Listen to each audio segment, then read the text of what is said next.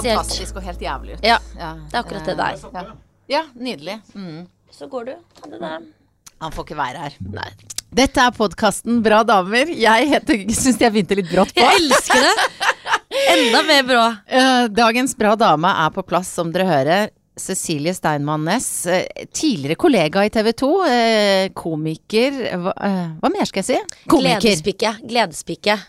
Sa hun og tok seg liksom til bysten Nei, men jeg dro vis. meg oppover kroppen, fordi det, jeg tenker at det er sånn en gavepakke av gleder. Prøver å gjøre folk glad. Ja, og det tenker jeg, for jeg merker at eh, det er jo når jeg skal intervjue folk her, så har jeg alltid en litt sånn følelse på forhånd sånn Hvis jeg skulle intervjue ja, Hadia Tajik, da var jeg litt sånn Å, nå må jeg skjerpe meg. Nå må jeg være ordentlig. Litt sånn nervøs, på en måte. Og i dag så var jeg sånn Å, i dag skal jeg intervjue Cess! Det blir gøy. Men det blir gøy. Ja. Vi skal slappe av og hygge oss. Vi skal ja. ikke være alvorlige. Nei, men det kanskje For da blir jeg det òg, og det er så usjarmerende når jeg prøver å være ordentlig. Er, Men er det sånn? Er det at de gangene du prøver å være litt ordentlig, så skjærer det seg? Nei, men jeg er veldig ordentlig. Egentlig er jeg jo en gammel, gammel dame som er veldig opptatt av uh, verdier og kutyme og kongehus og uh, hva som er riktig og hva som er galt. Eh, så hvis jeg er rundt voksne mennesker, så blir jeg veldig sånn veldig god på smalltalk. Kan snakke lenge om Gran Canaria og dårlig vin. Men ellers er jeg sånn 14 år gammel jente som uh, syns Justin Bieber er gøy. Og vaser rundt i gatene og har ikke sånn veldig mange hemninger i det hele tatt. Men hvilken av disse to versjonene er det som er mest eh, det deg, egentlig? Ja? Det er en sånn rar blanding. Jeg vet Ja. ikke helt hvem av dem jeg har lyst til å være. For jeg er jo en sånn god blanding. Men oftest nå, nå er jeg 29 år, nå har jeg veldig lyst til å være hun ordentlige. Okay. Men som er litt gøyal og sprudlende og gæren allikevel. Men det at du nærmer deg 30, det er, mange tenker jo på det liksom sånn med litt skrekk og gru, eller at eh, ja, nå må jeg bli voksen, eller noe sånt. Hva slags forhold har du til det? Jeg er litt sånn embrace your age, jeg. Ja. Så jeg syns sånn det er litt deilig at nå blir jeg 30, sånn at jeg kan si jeg fyller 30. Og liksom være komfortabel med det. Være i den alderen. Istedenfor at alle sier ja, men du ser så ung ut, eller du virker så mye mer voksen, eller det er alltid så irriterende. Mens nå, nå kan jeg liksom være den alderen. Nå skal jeg være den alderen. Og jeg er 30 år, jeg har en nydelig karriere.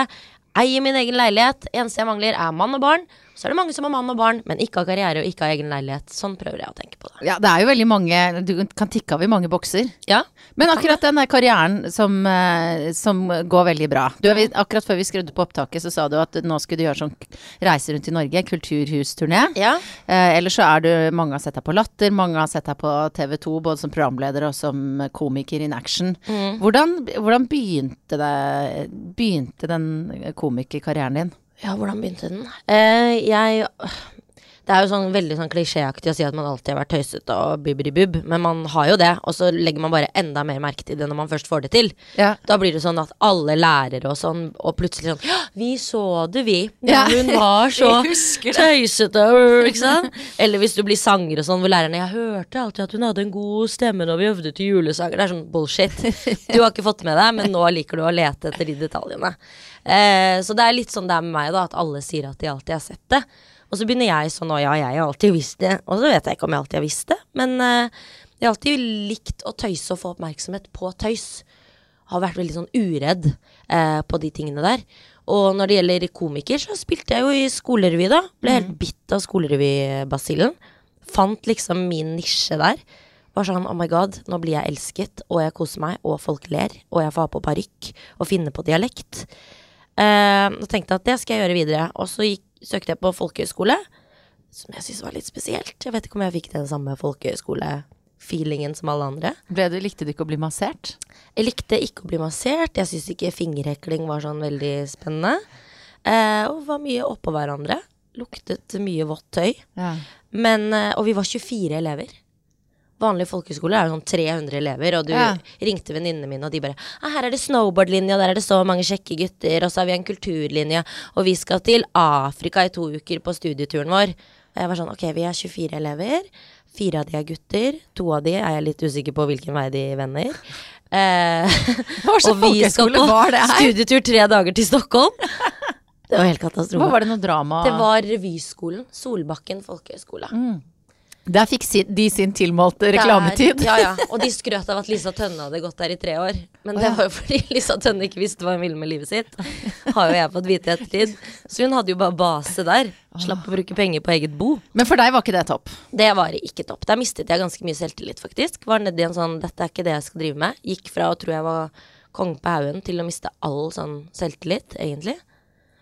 Og så begynte jeg å søke jobber og tenkte nå skal jeg reise rundt, være svensk og ha sekk på ryggen og oppleve Thailand. Um, og så søkte venninnen min, da, som jeg møtte på folkehøyskolen, hun søkte jobb på Latter. Ja. Og så fikk hun jobb på Latter, mens jeg fikk jobb på Bagel and Juice. Ah. Og den uh, satte seg ganske dypt, og det taklet jeg ikke. Så dagen etter så gikk jeg ned på Latter, inn i billettluken og sa hvem er sjefen her? Her må jeg jobbe. Og da husker jeg at jeg hadde kjempestore svetteringer, for jeg ble veldig varm.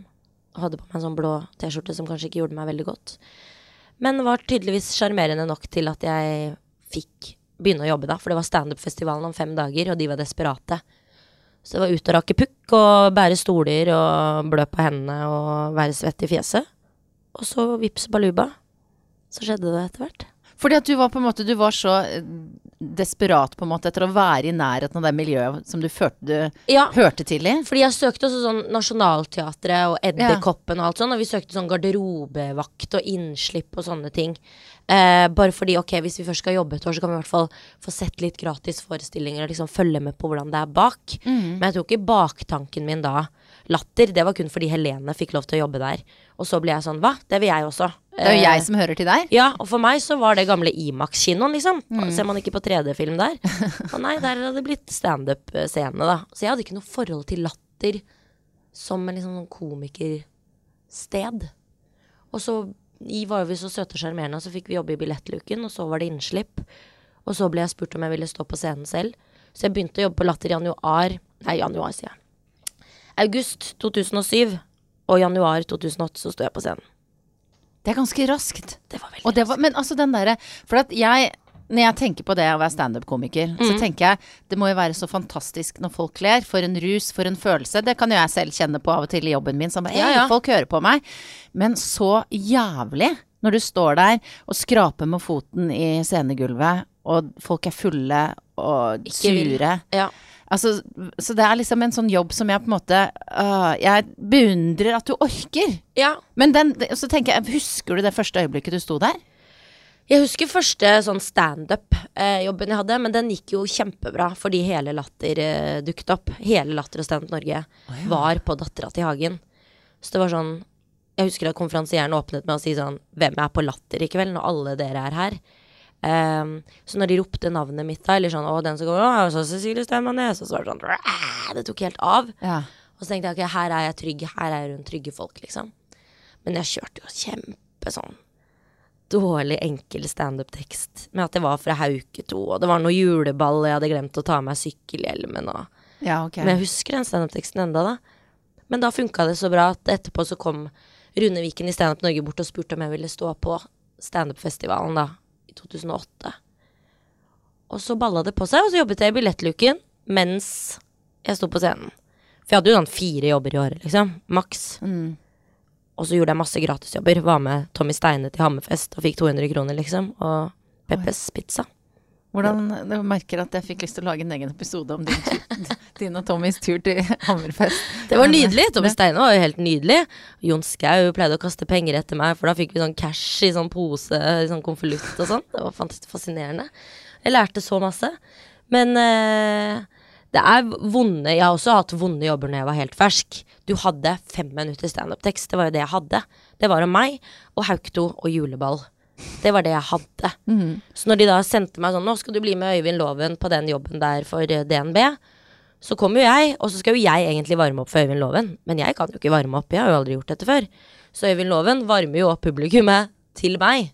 Og så kommer jeg på og kjører fem minutter om Hauketo i Bodø. Bodø er bare sånn Hva er Hauketo, og hva er det du snakker om, egentlig? Bare sånn Prøver å snakke om Hauketo, Holmlia-referanser, og det var helt ute.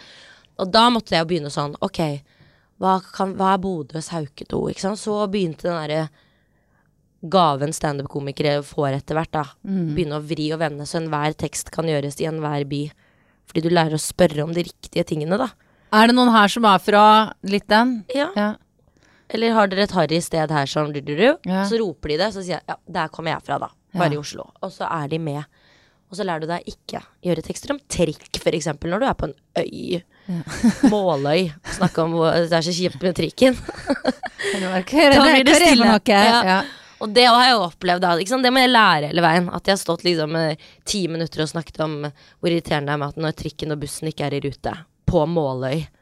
Hvor de har ferje, liksom. Men du, altså disse her, det er jo helt sånn åpenbart at man lærer seg liksom triksene etter hvert. Mm. Og at du liksom, du klarer deg bra, men det er jo helt åpenbart at det er en, en, et yrke du har Ja. som har mange utfordringer. Opp- og nedturer. Mm. Hvordan klarer du å hvordan klarer du å komme deg opp igjen etter en sånn målegig, da? Eller Eh, hvor det liksom er litt mørkt og trist? Ja, etter Måløy-gig. Forhåpentligvis er man med noen. Nå er jeg jo masse alene. I begynnelsen var jeg jo masse med folk.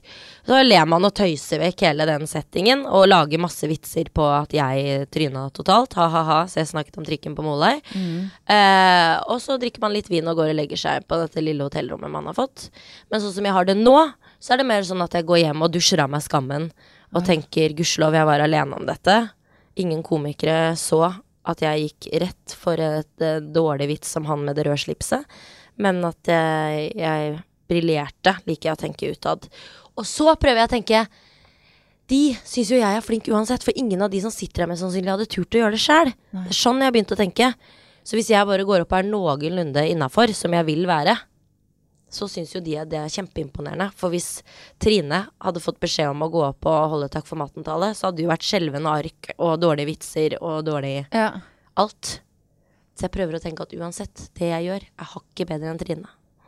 Hvordan har du klart å bli eh, hakket bedre enn Trine? Eller så god som du er? Eh, det er å gjøre alle mulige drittjobber. Si ja til alt. Jeg sier ja til alt. Ja. Reiste rundt overalt, var med på hvor som helst, hva som helst. Og tryne. Tryne, tryne, tryne, tryne. tryne. Sånn som Måløy, eller at lille jeg som hadde noen tekster om Paradise Hotel og unge mødre, sto og underholdt for 200 eh, sånn stålarbeidere på oljeplattform, ikke sant? Og de sitter der, og det er øl, og det er buffé, og de rusler rundt, og jeg kommer trillende på mitt eget lydanlegg og bare test, test. Og bare ja, hei, det er jeg som er søs Øy, skal du strippe? Ikke sant? Bare sånn. Nei, har noen her sett på Paradise Hotel, eller hva er greia med det? Da, det er sånn hvor du bare må gjennom alt det vonde. Det vet jo du av. Ja, ja, ja, og det er derfor jeg kjenner jo den lille følelsen der. Det er derfor jeg eh, Men jeg er ikke så mye Altså, det er ikke på de stålarbeiderne, for eksempel. Og jeg Nei. skal ikke Det er ingen som forventer at jeg skal være morsom, for eksempel. Så hvis noen ler av meg, så er det en bonus. Ja. Så jeg tenker at det er Jeg tror det er hardere arbeid, eh, det du gjør. ja, men jo, men du òg lærer deg ting uten at du er trygg, og hvis monitor forsvinner eh, eh, Monitor, hva heter det, prompter forsvinner for din del, og du plutselig må snakke fra levra, så hadde jo du klart å redde inn den situasjonen. Ja da, så man Mens når har du sitter hjemme og ser på at Didrik Solli Tangen for, Didrik Solli Tangen for 18. gang ikke klarer å si 'stem og send dette nummeret' til dette nummeret, så sitter jo du med en liten sånn 'åh, det der hadde jeg takla'. Fordi du har blitt mer rutta. Fordi du har vært i så mange settinger. Ja da, jeg kjenner, kjenner igjen det, altså. Så du, du får vel sikkert noe av det samme. Ja. Uh, men, uh, men det er bare disse uh, Ja, det er bare det Akkurat som det er så forsterka når man står på scenen, tror jeg. Ja. Jeg har liksom litt avstand til TV-seerne, på godt og vondt, da. Ja, Nei, vi det. står i driten. Jeg ser jo når folk tar armene i kors, eller rister på hodet, eller vel, når de sitter og hvisker underveis òg. Mm. Hva er det de sier nå, ikke sant? Å, herregud. Mens nå har jeg blitt så trygg og går på med så mye selvtillit og blitt så kjapp i hodet at hvis noen slenger med leppa til meg, så får jeg fire vitser på det, Ja. og så hører du ikke mer fra han. Åh, det er så Fordi du har så stålkontroll, og så kommer du inn i et rom, og så bare Ok, scenen er der. Jeg har fått en Singstar-mikrofon istedenfor vanlig mikrofon. Jeg har ikke lys. Bing, bing, bing, bing. Hvordan løser jeg dette? Og så takler du de situasjonene fordi du har opplevd alle de på et eller annet tidspunkt. Du har et sånt repertoar av svar, på en måte, når folk Ja. sier 'hold kjeft', da! Altså begynner sånn. Ja. Ja. Så har du masse sånne enkle vitser som du hadde i begynnelsen, som du bare rappa fra de andre. Som var sånn bare å rappe den, jeg rappa den sjøl, vet ikke fra hvem. eh, og så begynner du å finne sånne som Ja. du ordner med selv. Men det er jo et eller annet med å stå og være pike i liten rød kjole i julebordsesongen. Det er jo ikke det optimale publikummet for meg. Jeg syns jo ikke julebordsjobber er gøy. Jeg elsker når jeg får det til. Jeg mener at alt publikum er publikum. Sånn selvfølgelig har jeg lyst på utsolgt eh, show på hovedscenen på Latter. Å stå der med Linn og Hege er jo ti ganger gøyere enn å stå foran eh, 200 Jysk-ansatte. Men de er også et publikum, så hvis jeg nailer den jobben foran de 200 Jysk-ansatte, så vil de mest sannsynlig komme og se meg neste gang jeg har show. Så sier de til kona fy fader, hun hadde julebordet vårt, hun er så festlig, det må vi gå og se.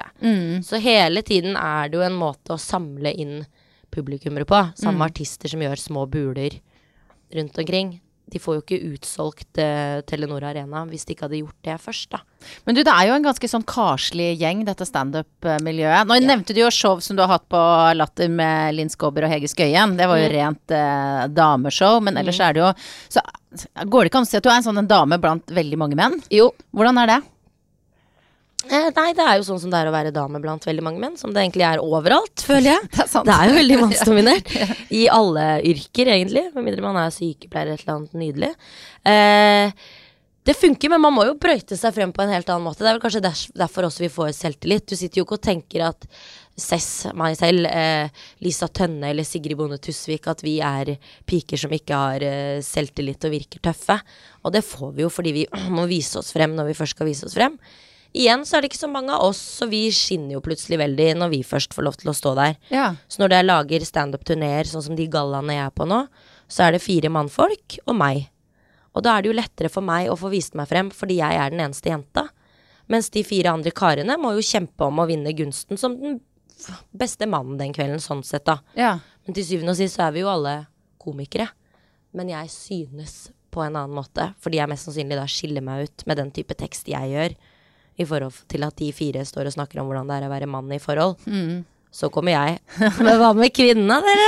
Men du, den der selvtilliten som du snakker om, som du, som du må ha for å liksom gjøre det bra på scenen, som gjør at du har kommet deg frem, eh, har du den i andre områder også i livet? Jeg liker å late som. Veldig Ja. mange tror at jeg har selvtillit. Veldig mange tror at jeg er veldig tøff. Så da oppfører de seg sånn rundt meg òg. Ja. Og derav ja, så sier jeg til folk at ja, jeg har veldig god selvtillit.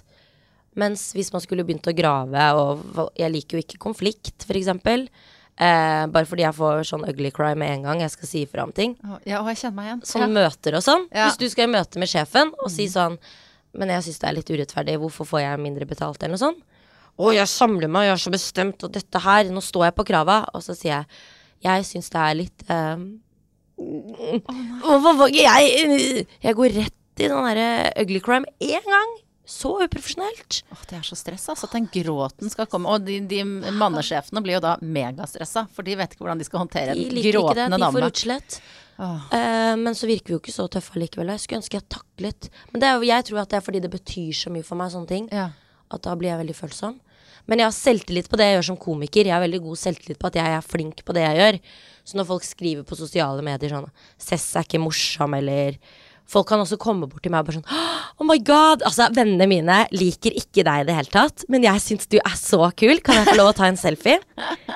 Det jeg hører da, er jo bare at vennene hennes ikke liker meg. ja. Og så blir jeg sånn, men hva, hva har de sett, og hva har jeg gjort? Jeg har jo valgt det selv, men jeg har så lyst til å banke på døren til alle de som syns at jeg er teit, og så bare la de få ti minutter med meg, hvor vi bare spiser bolle og drikker kakao, så jeg kan vise at jeg er bare en nydelig og søt jente, jeg òg. Men da er det et eller annet jeg har gjort på Brille, eller på scenen, eller på Instagrammen min som de ikke syns er gøy, og så har de bestemt seg for at de ikke liker meg. Og det blir du litt lei deg for. Jeg liker det ikke helt.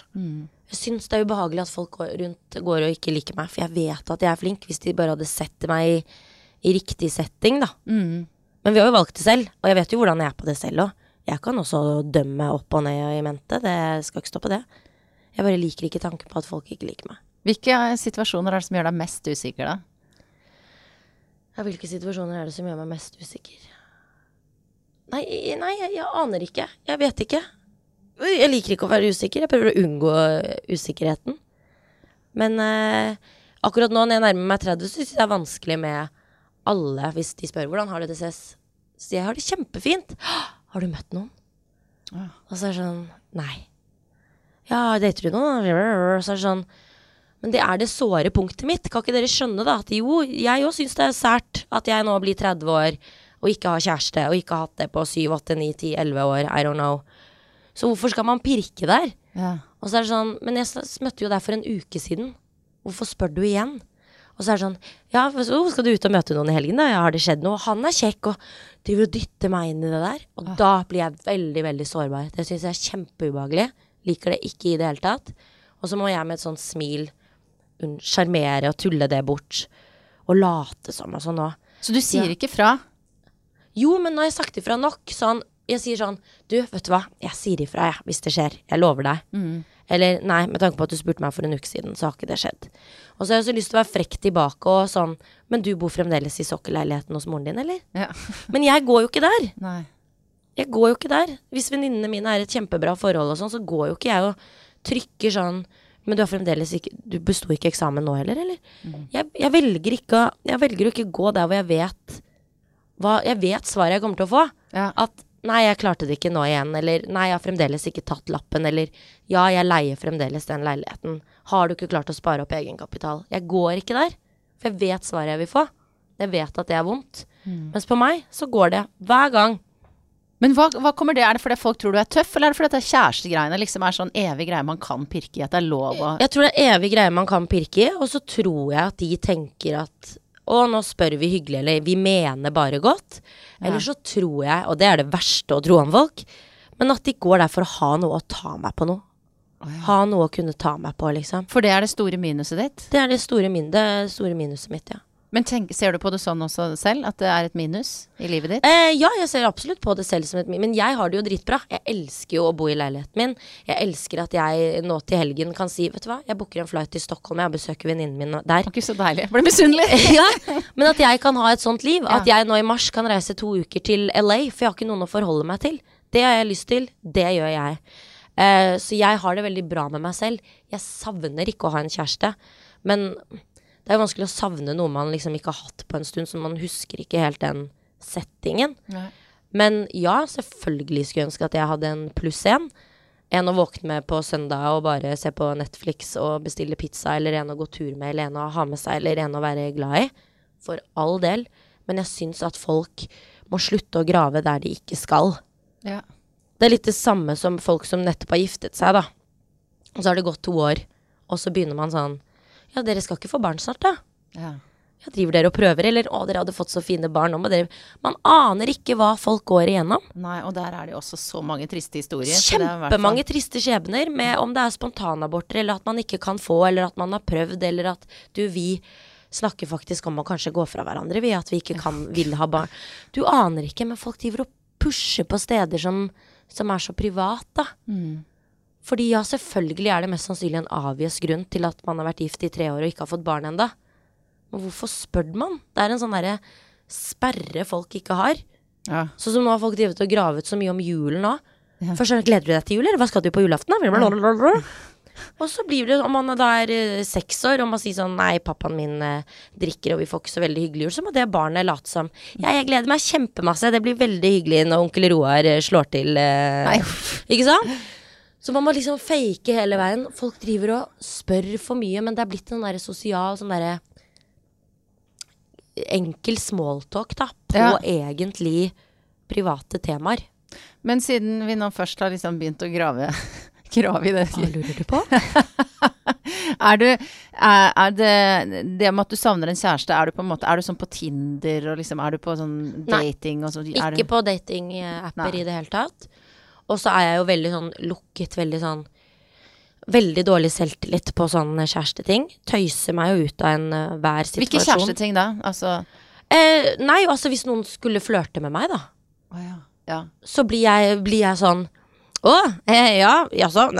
Bim, bim, bim. Jeg liker High School Musical, jeg. Så prøver jeg å jage han vekk Å ja. ved å være litt sånn snål. Så blir jeg venninnen med en gang, for jeg tøyser. For det er en sånn trygg rolle for deg? Det er trygghet. Mens at hvis jeg skal liksom uff, ta ned garden helt, og så si sånn Ja, nei, egentlig så drømmer jeg om Det blir Da viser jeg en side av meg selv som er sånn Jeg viser alle sider av meg selv. Den må jeg få lov til å ha for meg sjæl, på en måte. For jeg er så åpen og ærlig ellers på Instagram og sånne ting, at idet folk vil ha mer, så blir jeg sånn Å, gud, noe må få lov til å være mitt, da. Men hvem er det som slipper inn der, da? På Den het. Den, den innerste, lille lukka? inne. Det er ikke veldig mange. Det er ikke veldig mange. Men uh, de som kjenner meg, og ikke kjenner meg så godt heller, vet jo at jeg er kjempefølsom. Så hvis man begynner å trykke Alle har sett meg gråte. Hva er det som får deg til å gråte? Ehm, ja, hva er det som får meg til å gråte? Når jeg skal fortelle hvordan jeg egentlig har det. Mm. Eller hvis folk spør meg sånn om bestefaren min og pappa og sånne ting. Da blir jeg veldig følsom.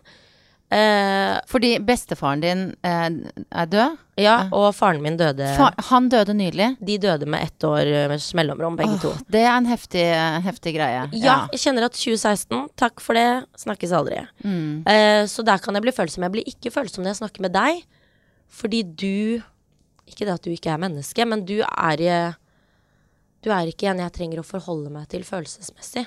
Jeg skjønner hva du mener. Men med en gang det er en til og med liksom daglig leder på Latter, hvis han skulle kommet bort og sagt Å, Cess, jeg hørte Mm. Nei, det går bra. Det var bare Ikke sant. Da blir jeg der med en gang, fordi jeg vet at han mener det veldig ekte når han sier at det er trist. Mm. Mens hvis jeg skal snakke med deg, eller jeg måtte sitte i sofaen med Anne Lindmo, og jeg visste at bestepappa ville være et tema, det var veldig kort tid etterpå, Mm. og jeg gruet meg, jeg kjente jeg ble sånn stramme stemmebåndet. Man får veldig sånn stemme fordi Ja. man skjerper seg. Men så gikk det kjempefint. Jeg var helt sikker på at jeg skulle liksom begynne å gråte. Og så tenkte jeg gud, nå virket jeg iskald. Fordi jeg klarte å Mm. jobbe meg gjennom det, liksom. Ja. Men det er med en gang det blir noen utenfor. Og også fordi at da er du jo også den offisielle Da er du, da er du i rolle, på en måte. Er du ikke litt det, da? Jo, man er på jobb. Du er på TV, og ikke, om, ikke akkurat på standup-scenen, men du er i hvert fall den offentlige rollen som ja, vi kjenner deg som. Ja, og det er samme hvis jeg møter deg på gangen her ute, og jeg sier 'hei, hvordan går det?' Så sier jo du 'det går kjempebra, hva med deg?' 'Nei, takk som vi Da trenger jo ikke jeg å si til deg 'du, pappaen min døde for tre dager siden, og begravelsen er over'. Man går jo ikke der med folk man ikke kjenner. Nei. Mens med folk man Og så gjør man det jo ofte med folk man kjenner også, da. Går for den fasaden. Mm. Men det er det folk da sier. Ja, men hvordan går det med broren din nå, da? Hvordan tar han det? Å ja, nå går vi videre der. Selv om jeg prøvde å ha latt som ingenting. Da blir det med en gang sårere punkt, da. Og så skulle jeg ønske at jeg var flinkere. Men jeg eh, syns jo det blir litt mye at vi liksom kjendiser i Gåstein eh, skal drive og fortelle hvor vanskelig vi har det hele tiden. Men så føler jeg òg at vi er en stemme utad.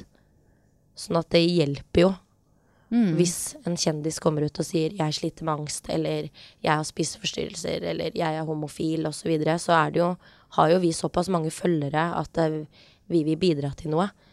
Men hvis jeg skal drive og fortelle alle følgerne mine, som egentlig er ute etter når de går inn på Instagrammen min, og ser meg gøyal, Ja. så får ikke de så veldig mye ut av at jeg legger ut masse bilder av at jeg savner mennene i mitt liv, på en måte. Men det blir kanskje desto sterkere, da. Ja, så jeg gjør det sjeldent. Tror jeg har gjort, gjort ett bilde om det var farsdag, eller hva det var for noe. Mm. Hvor jeg la ut, og jeg får jo kjemperespons. Men jeg, jeg trenger jo ikke å gjøre det. Hvorfor gjør jeg det? Er det fordi jeg søker bekreftelse og trøst, eller er det fordi jeg har lyst til å gi det til andre? Det er den balansegangen der òg. Ja, hva er grunnen da, tror du? Jeg vet ikke. Et eller annet med at jeg ønsker at folket der ute og Når man går gjennom noe så dritt som det der, så dundrer jo jeg på utad, ikke sant. Etter bestepappa, fire dager senere, så var det gull... Hei og velkommen til Gullruten, ikke sant. Ja.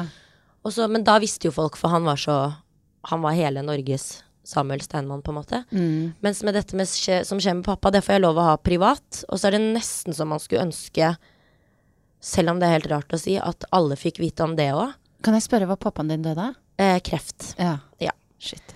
Eh, men da, da fikk ikke Det ble ikke sånn allmenneie, at alle visste om det. Så den sorgen gikk jeg liksom og bar på alene. Så hver gang jeg møtte noen, så kunne jeg ikke fortelle at hvorfor jeg var litt rar, eller hvorfor jeg var litt off, eller jeg måtte stå i alle mulige sånne store settinger.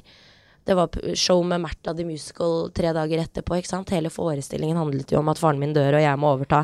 Selv om det er å dra det litt langt, da. Ja, ja, Men- men Og da vet ikke folk det rundt. Og da kjenner jeg at den bitte lille stemmen i meg har så lyst til å si til publikum Pappaen min døde nettopp, men her står jeg og leverer denne forestillingen likevel. Nesten som en sånn at de skal like meg enda bedre, eller tenke sånn Fader, så flink hun Jeg er har litt varme. Men var, det sånn, altså var det sånn Du sier at du tenkte at du hadde lyst til å gjøre det, men hadde du tenkt å gjøre det på noe Nei, tidspunkt? nei. Hvorfor er det helt uh, Forklar hvorfor det ikke går. Eller- Jeg vet ikke, for jeg må stå i og gjøre den jobben jeg gjør. De liker jo meg eh, på tross av om jeg har sovet dårlig den natten, eller om jeg har diaré, eller om jeg har mistet uh, faren min. Mm. Så må jo jeg stå i det og gjøre den jobben allikevel. Det gjelder jo på alle jobber. Selv om det er i andre settinger lettere å komme på jobb og være trist og si 'du, kan jeg gå tidlig i dag', eller 'i dag går det ikke'. Mens jeg må jo ut på den scenen. koste hva det koste vil, og gjennomføre. Og bare dundre på igjennom, og så heller gråte litt etterpå. Og det som er med en sorg òg, at man vet jo aldri når den kommer, ikke sant.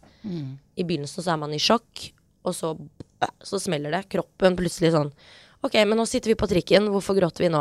Ja. Fordi du har ikke kontroll på følelsene dine. Og da var det lettere med bestepappa, fordi alle visste. Mens med pappa så har det vært så En hemmelighet, liksom. privat igjen. Ja. Mm. Vi må bare forklare det med bestefaren din, i tilfelle ikke alle vet det. Samuel Steinmann, som var håper å si, Norges uh, siste gjenlevende jøde som ble deportert under krigen. Mm. Uh, du er også Steinmann, altså det er et godt jødisk navn. Det, det å være det å være jøde i Norge eh, skulle man jo tro ikke var noe problem i 2017, men det har vært også et tema i offentligheten. Monica Chango blant annet eh, Mm. har snakka om det. Du har sikkert også prata om det. Går det an å si noe om hvordan, hvordan opplever du å være jøde? Altså den bakgrunnen du har. Ja.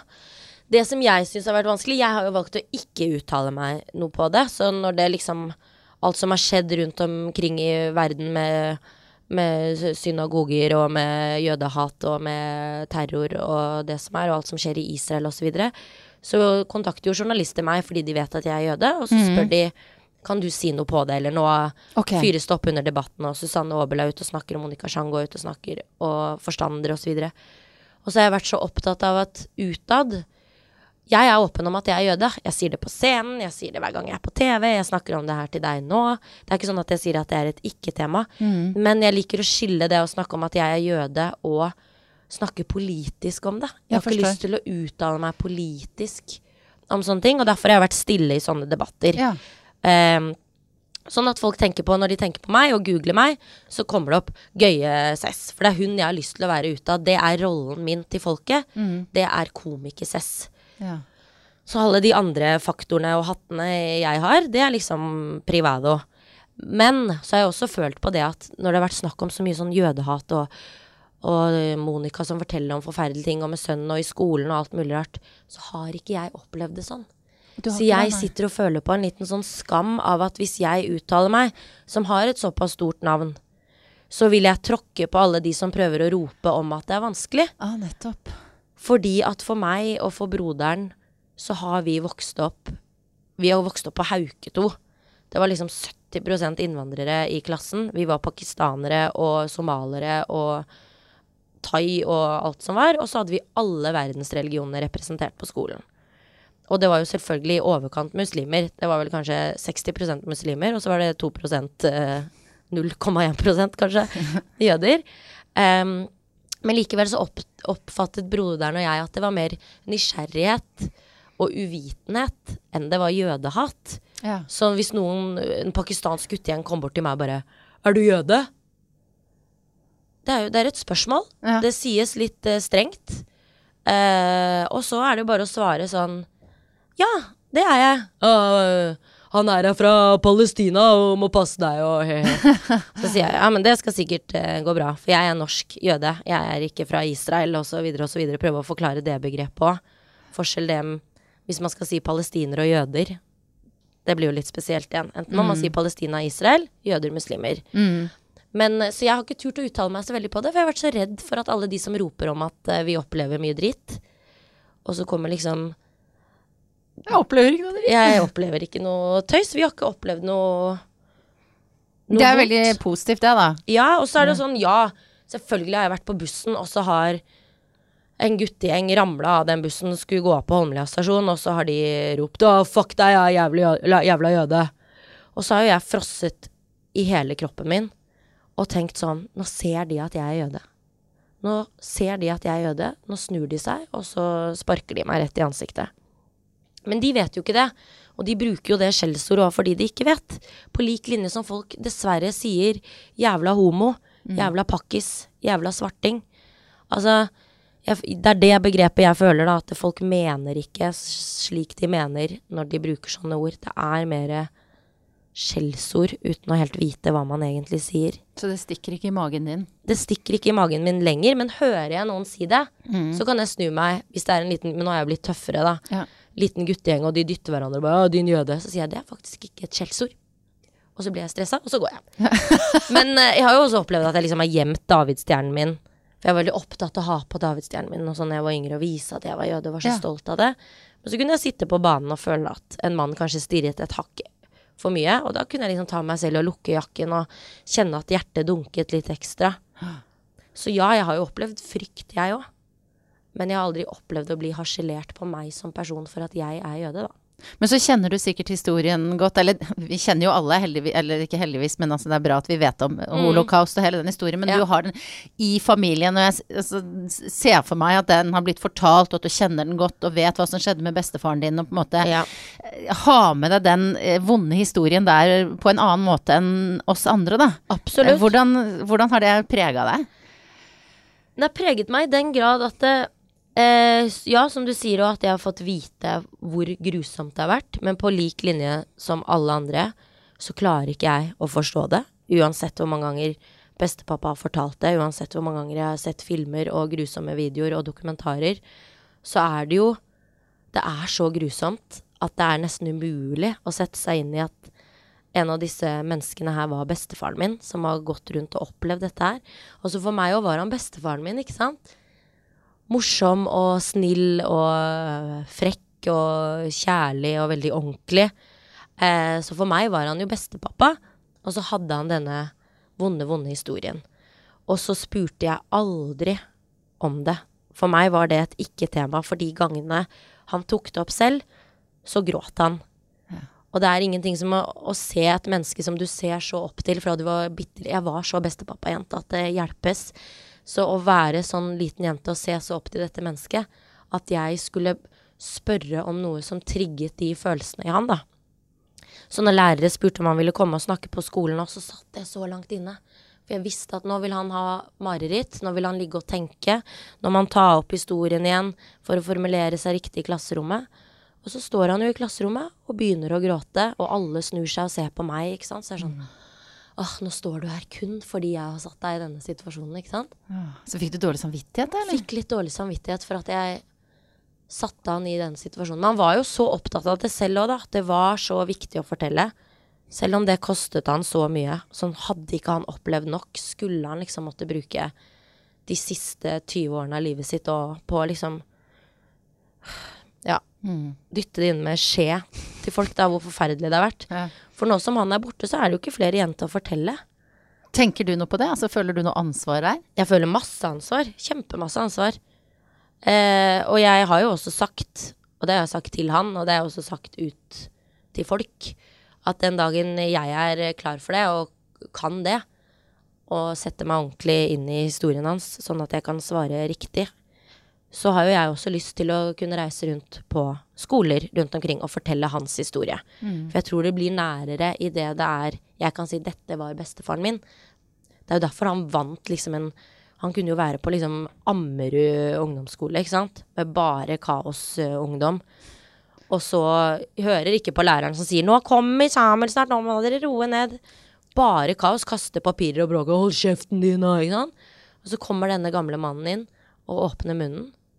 Og så var det liksom knystille i 45 minutter, ikke sant? Fordi han De fikk så respekt, og de ble med inn på den storyen hans. Og så har jeg sagt mye nei, for det er flere som har spurt meg nå. Problemet er at jeg må finne en måte jeg velger å løse det på, for jeg kan fortelle hans historie. Men jeg får ofte veldig spørsmål Hva tror du han følte da? Ja, hva syns han om? Tilga han noen gang? Og jeg kan ikke svare på vegne av han. Jeg må liksom kunne svare på vegne av hva jeg tenker og hva jeg føler, og kanskje prøve å finne en måte å fortelle storyen som barnebarn, Mm. og liksom som oppgaven vi har videre. Finne en fiffig måte å fortelle historien til bestepappa på. Med humor. Går det? Ja, og det er jo problemet, da. At jeg, når jeg kommer i en sånn setting, hvis jeg kommer til en gjeng med ungdomsskolefolk, så har de lyst til å se Cess eller Tante Jaslin eller et eller annet mensrelatert. Eh, så at de da skal forstå alvoret i meg som forteller om akkurat det jeg skal, det er òg viktig å finne den balansegangen der, da. Men det du forteller at han eh, trollbandt sitt publikum, er det, det er jo nærliggende å tenke at du har arva litt av han? Ja, jeg, jeg tror jo det. Han var jo kjempemorsom, og han var, altså, uansett hvilket rom han var i, så var det jo han som hadde fokus. Hei, å, så flat. Alt var så flat. Så jeg Alle som kjenner meg, hvis de skal si tre ord jeg bruker, Ja. så er det flat, nydelig og skjønt. Og det er Det bestepappa. er bestepappaord. Uansett hva han beskrev. Og vi kom inn, og det var så flott servise. Og vi fikk servert nydelig kaffe, og hun var så skjønn, hun nye fruen til han. Og ikke sant, sånne. Ja, ja, ja. Og nå merker jeg, nå er du liksom litt over i den der voksenpersonen som du snakka om når vi begynte Ja. å prate her, den litt sånn ordentlig. Du har den inne som en, eh, en karakter, Mm. um, men det er altså ikke helt Det er litt av deg, da. Det er litt av meg. Ja. Jeg har jo bedt deg, apropos det, ta med en ting som skal si noe om hvem du er. Ja, men uh, der òg, ikke sant, velger jeg å tøyse. Å ja. Så, Istedenfor å være nydelig. Så du kan velge mellom to ting. Er du klar? det er lov å ha med to ting òg, da. Du kan Ja. få lov å vise Det to. ene er en tampong, Ja. og det andre er førerkortet mitt. ja, nett ta begge deler og forklar hvorfor. Ok. For det nå er en menstruerende kvinne som kjører bil. Ja. Ja. Er, hvorfor har du valgt å ta med dette? Eh, jeg har valgt å ta med eh, tampong fordi det føler jeg er det som eh, Hver gang folk kjøper tamponger eller bind eller noe sånt, så tror jeg de tenker på meg. Fordi jeg har jo denne karakteren min, sant, Jøselen, eh, som handler om mens. Eh, som er veldig beskrivende. Og når jeg står på og venter på bussen, så kan folk rope 'Herregud, er det du som er mens? Oh my god, det er mens! Kan vi ta bilde?' Og så forsvinner de. Og så blir jeg stående. Ja. Og hun. alle ser på deg. Som Der hun med mens. Um, og så syns jeg det var litt sånn Jeg følte at jeg aldri har vært en sånn politisk eh, komiker som har tatt eh, tak i sånn dagsaktuelle, viktige, fine ting. Mens når jeg turte å lage denne sketsjen i kollektivet, med Marit Støre-Valør eh, Vi var jo de eneste kvinnene i hele den produksjonen. Mm. Vi satt på et grupperom og tenkte hva kan vi lage? Hun hadde lyst til å lage sånn kvinnegruppe, Ottar-aktig dame med meg som var sånn kjempet for ditt og kjempet for datt og kjempet for mensen. Og så begynte vi å tøyse. Ja, vi begynner med mensen. Og så begynte vi å fortelle den ene historien etter den andre om menstruasjon. Mm. Og det, selv, mellom oss jenter så er det så privat og flaut. Ja, jeg vet. Så jeg begynte sånn Ja, men når du Og så fikk ikke hun puste, ikke sant? For hun bare Akkurat sånn er det. Ja. Og så sa vi liksom den ene ekle, surrealistiske tingen etter den andre. Som liksom joggebukse og alt fra sånn, du vet sånn Du ble varm i bindet. At du sånn Oh my god, jeg dør. Men du vet sånne ting. Ja, vet sånne ting. Og du satt liksom på doen på skolen og skulle skifte, og så sa liksom bindet sånn Ja, ja, ja.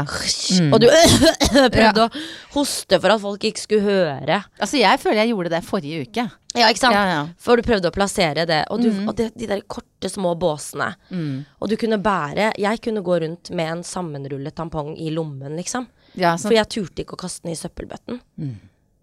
For, og sånne ting begynte vi å snakke om. Og da ble det sånn Her er det noe. Ja. Dette her er så tabu, liksom. Vi kjører full mens. Og da lagde vi jo denne tante Josselin, da, som kjemper og snakker veldig ærlig om mens. Og jeg husker den dagen den skulle vises på kollektivet, så tenkte jeg sånn Nå hater alle meg. Nå har jeg sunket det laveste av det lave. Jeg går i mens. Det er sånn at jenter snakker bare om mens. Nei, det er stort å kunne snakke om det. Det er et stort tema. Gjør man det riktig? Det må snakkes om. Og så tok det pina meg helt av. Så jeg møter jo på mammaer som kommer bort sånn Du har gjort det lettere for meg og min datter å snakke om menstruasjon. Tusen takk. Og elever som kommer bort og bare 'Læreren vår eh, viste den der mensfilmen din i klasserommet når vi hadde om eh, sex og samfunn', liksom. Bare for at vi, man skal kunne le av det og gjøre det litt sånn easy-peasy. Så derfor hadde jeg da med tampongen. Førerkortet har jeg da med for også å være litt mer sånn nydelig. Jeg, eh, selv om 2016 var et drittår, så klarte jeg akkurat 20 dager etter min fars død å ta sertifikatet. Så det er helt ferskt. lappen i 2016. Grattis. Så det var min store bragd. Strevde du fælt med å få det til? Eh, ja. Ja. Men det er bare fordi jeg aldri har tatt lappen. Og så har folk vært sånn, du må ta lappen, du må ta lappen. Og så tenkte jeg sånn, jeg skal bli hun som ikke tar lappen. Som kjø har barnevogn inn på bussen og er vanskelig. Hvor du tenker, hvorfor har du med den barnevognen inn på bussen? Um, så tenkte jeg, nå skal jeg ta lappen. Og så klarte jeg det. Så i en alder av 29 år, nei, 28, jeg ble 29 i september, 28 år, tok jeg da lappen. Jeg valgte selvfølgelig å ta den i Arendal, bare for å gjøre det litt lettere. Hvorfor gjorde du det? For å ikke kjøre i Oslo by? Ja, så jeg fikk jo litt sjokk da jeg da svingte inn Jeg har aldri kjørt bil i med Oslo. Drammen. Har du ikke? Nei. Aldri. Da må du ikke finne på å gjøre det. Nei, jeg tror jeg, jeg, Altså Her inne går det jo i sentrum. Det er jo, Du kjører jo i første og andre gir hele veien, holdt jeg på å si. ja. Der går det jo sakte. Men sånn inn trafikkmaskinen når du kommer inn ja, fra Ja, Drammen da fikk ja, jeg sjokk. Ja. For jeg tok jo lappen i Arendal, og så bestemte jeg meg Nå kjøper jeg meg bil! Jeg vil ikke ta toget hjem. Så jeg tok, uh, leide meg bil, eller leasa bil, da. Og kjørte da en halvtime etter jeg hadde fått lappen. Med sånn adrenalinkick. Og til slutt så svingte jeg inn på en bensinstasjon. Og bare Og så kjørte jeg inn. Og fra Drammen og inn fikk jeg meg jo et realt sjokk. For da var det jo firefelts motorvei, og folk tuta, for jeg lå i buss- og taxilinje. Jeg bare Det er jo ikke buss- og taxilinje i Grimstad og Arendal! De hadde ett lyskryss, og det var i Arendal, liksom. Vi måtte jo kjøre fra Grimstad inn i Arendal for å øve i lyskrysset. Jeg har jo tatt lappen på Voss. eh, Ikke der, sant? eh, der, var, der var det ikke noe lyskryss når jeg tok eh, Det var én rundkjøring. Så eh, jeg også har liksom noe begrenset eh, Hva du kan. kapasitet. Ja. Så jeg lærte underveis når jeg først kom hit. Men jeg tok den da i Arendal. Og han eh, kjørelæreren, skal vi ikke nevne navn, eller han som jeg tok oppkjøring med. Mhm. Jeg var jo så nervøs, for jeg begynte å si til kjørelæreren min sånn Nå liker ikke han meg. Nå kommer han til å si ja, jeg skal ut med hun der eh, komikeren. Fy fader. Skal stryke henne. Jeg skal ikke være han som bare lar henne komme lett ut. Bare det. fordi at hun er på TV og tror Ja. hun er noe? Sånn fikk jeg følelsen av. Ja. Bare sånn, fy fader, han har bestemt seg på forhånd. Og så eh, setter jeg meg inn i bilen. Dæven, er det du? Oi, ja, nå ble jeg nesten litt eh, nervøs. Jeg håper ikke du er det. Du er vel vant til å være nervere enn dette her du når du skal ut på scenen. Og da var det i gang. ja. Da var det i gang. Jeg tror ikke jeg sa én ting, jeg. Jeg bare svinsa og svansa rundt i den bilen i en halvtimes tid. Og han bare 'Jeg må bare spørre deg, er du selvstendig næringsdrivende?' Får Det var liksom det ene. Så det var ikke noe sånn da skal ene du få lov å skifte fil her. Ja, hvordan er egentlig Hege Skøyen? Altså, det var bare Og jeg var mm, Og jeg prøvde liksom å sammenligne humorfaget med bil, da. Ja, for å få sånn, litt nei. ekstrapoeng, liksom. Ja, ja, nei, altså Å gå ut eh, foran til et publikum, det er jo det samme som å kjøre, det, ikke sant. Jeg kan ta til høyre, og jeg kan ta til venstre, og har jeg, Hvem har jeg vikeplikt for her i publikum, ikke sant? Skal jeg akseptere Altså, jeg var så Rødt eple på pulten, nydelig, hele den kjøretimen. Så Helt- flott! Så flott! Og så når vi kom frem da, så sa han til han gratulerer. Og vet du hva, jeg vil bare si, du fikk ikke sertifikatet i dag fordi du er kjendis. Du fikk fordi du var flink. Så var det sånn, well, did I really? Og forresten, har du nummeret til Harald Eia? Nei da. Men han var liksom Han var helt nydelig. Det høres ut som en karakter. Altså, du burde Jeg burde bruke han. Jeg Ja. merket det nå. Ja, I kombinasjon med mensen, Ja. Han og mens. At jeg tante Jøselen tar lappen. Det er en helt ny serie. Blør gjennom Blør på oppkjøringa. Uff a meg. Men eh, jeg må si det er viktig, eh, viktig mensenarbeid du har gjort. Ja, men det er det. Det er det. Det er, og man kan le det, men det er viktig. Står og snakker Ja. på scenen om at vi ikke har lov til å snakke om det, liksom. Klart vi skal snakke om det. Det er masse gøy der. Det trenger ikke bare være ekkelt, selv om det er ekkelt, da. Men Men du, jeg har jo noen sånne faste spørsmål. Ja. Eh, nå tok du deg nesten til brystene igjen. Var det du ventet? Nei, men For jeg du vet forbereder meg alltid. Du vet hva som går. jeg tror jeg har på en bh som ikke gjør meg godt, at jeg treffer de hver gang. Ja, For det, det et, um, Jo, hva spiste du til frokost i dag? Jeg har ikke spist frokost! Spiser du ikke frokost? Jo, jeg elsker frokost. Men var det for, Vi har jo ikke noe, hadde jo ikke noe tidlig avtale, vi. Nei, Nei. Eh, det har seg slik at eh, det, de driver med rørarbeid i gården min. Oi. Så jeg bor nå i en sånn utleieleilighet på Selvåg hvor mamma jobber. Så jeg har blitt vekket hver morgen da, av at mamma banker på døren. Eh, For hun jobber jo i rommet ved siden av. Og har da kommet inn med kaffe. I går fikk jeg muffins og to knekkebrød med eh, ost og paprika. Og så sendte jeg melding i dag til mammaen min. Jeg våkner. Hei, mamma. Jeg har et møte 11.30, så hadde ikke gjort noe med kaffe og knekkebrød på sengen i dag. Og så tror hun at jeg har skrevet at jeg ikke trenger det i dag. Åh. Så når jeg da gikk, så åpnet den døren inn til det der serviceområdet hvor hun sitter. Så sier jeg vi har misforstått hverandre.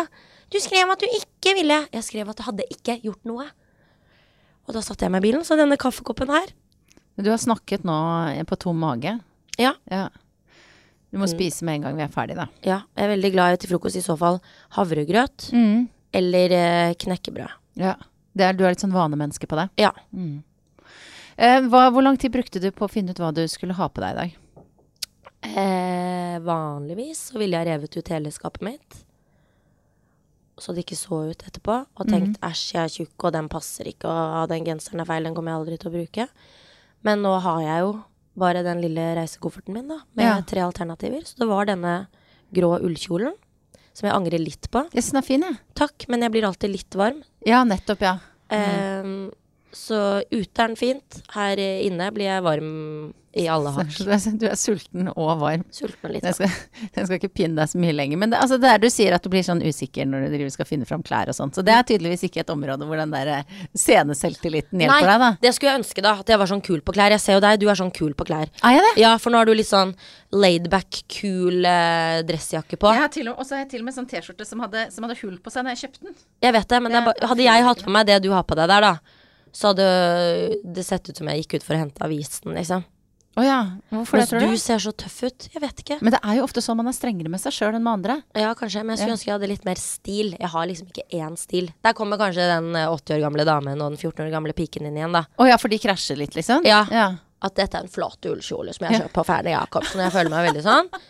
Og så andre ganger så har jeg lyst til å gå i sånn eh, Mickey Mouse-genser og Nikes og eh, sekk.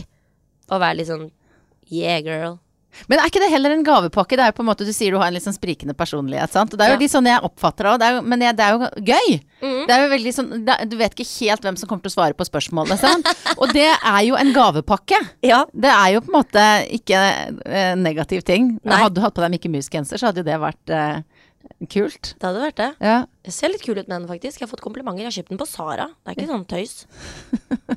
Men det er jo litt ekkelt at du sier at du vet ikke hvem som svarer. Det Nei, er jo, men- har sånn jo, jeg vet- personlighetsforstyrrelse. Nei, ikke sånn i det hele tatt. Men, men at du kan gå Du kan svare morsomt og frekt og liksom to the point, som den komikersida av deg. Ja. Og så kan du svare alvorlig Nydelig og og nydelig reflektert. Ja. Og du kan smalltalke, og du kan kødde, liksom. Mm. Det sånn som du sa selv i begynnelsen, at du har litt sånn Ikke noe personlighetsforstyrrelse. Jeg vil ikke gått, vil ikke gått den, den veien. Nei, men så velger jeg jo også selv hva jeg vil svare tøysete og frekt og sånn på. Mm. Og hva, hvor jeg har lyst til å være alvorlig. Eh, Overskriften eh, denne, i denne podkasten er jo 'Bra damer'. Det er jo mange forskjellige typer damer som er her. eh, Men har du noen sånne kriterier? Er du, hva syns du selv er en bra dame? Uff, en bra dame er en dame med selvtillit og selvinnsikt. Ja. En uh, dame som uh, tør å si ifra når ting ikke er, er som det er. Jeg er ikke så glad i Jeg blir ofte satt i den settingen selv, men man kan sitte rundt et bord hvor en mann kommer med en slibrig kommentar, og så blir alle så brydd av den mannen at vi ler med. Sånn. Også at ingen sier ifra. Og istedenfor at man sier Du, det der sier man vel ikke. Mm. Eh, Så det er mitt nyttårsforsett, å bli litt flinkere til å si ifra, istedenfor å bli flau på vegne av personen. Du, det slenger jeg meg med på. Ja. Det skal jeg også. At vi føler på ubehaget når den personen har vært ubehagelig. Ja. Vi må si ikke greit. Eh, og en bra dame, jeg vet ikke. En bra dame er en dame som også tør å gi komplimenter til andre damer. Jeg syns vi er veldig flinke til å si til menn Oi, har du nye sko, og så fin dressjakke du har, og nå så du kjekk ut, og har du klippet deg? Men at vi blir litt flinkere til komplimenter til hverandre. Jeg vet i hvert fall hvor glad jeg blir. Sånn som nå, da. Jeg sa at du er Ja, nydelig. Merker Så begynner du med en gang Ja, denne her er bare hullete. Ja. Så der òg. Vi må bli flinkere til Ja. å ta til oss komplimenter. Tusen takk, Cess, for at du sa at jeg var fin. Ja, hyggelig. Men det er sånn òg. Å, så fin genser du har. Å, denne koster 300 kroner på Sara. Hvorfor sier vi det? Si takk. Mm. Takk. Nei, bra dame. Selvtillit, selvinnsikt. Tør å si fra. Tør å si takk når hyggelige ting Føler at alt dette gjelder litt sånn hva jeg ønsker for meg selv fremover. Mm. Jeg håper alle tok notater nå. Jeg det er viktig. Lykke til med alle nyttårsforsettene. Hjertelig tusen takk. Og takk for at du kom. Takk for at jeg fikk komme.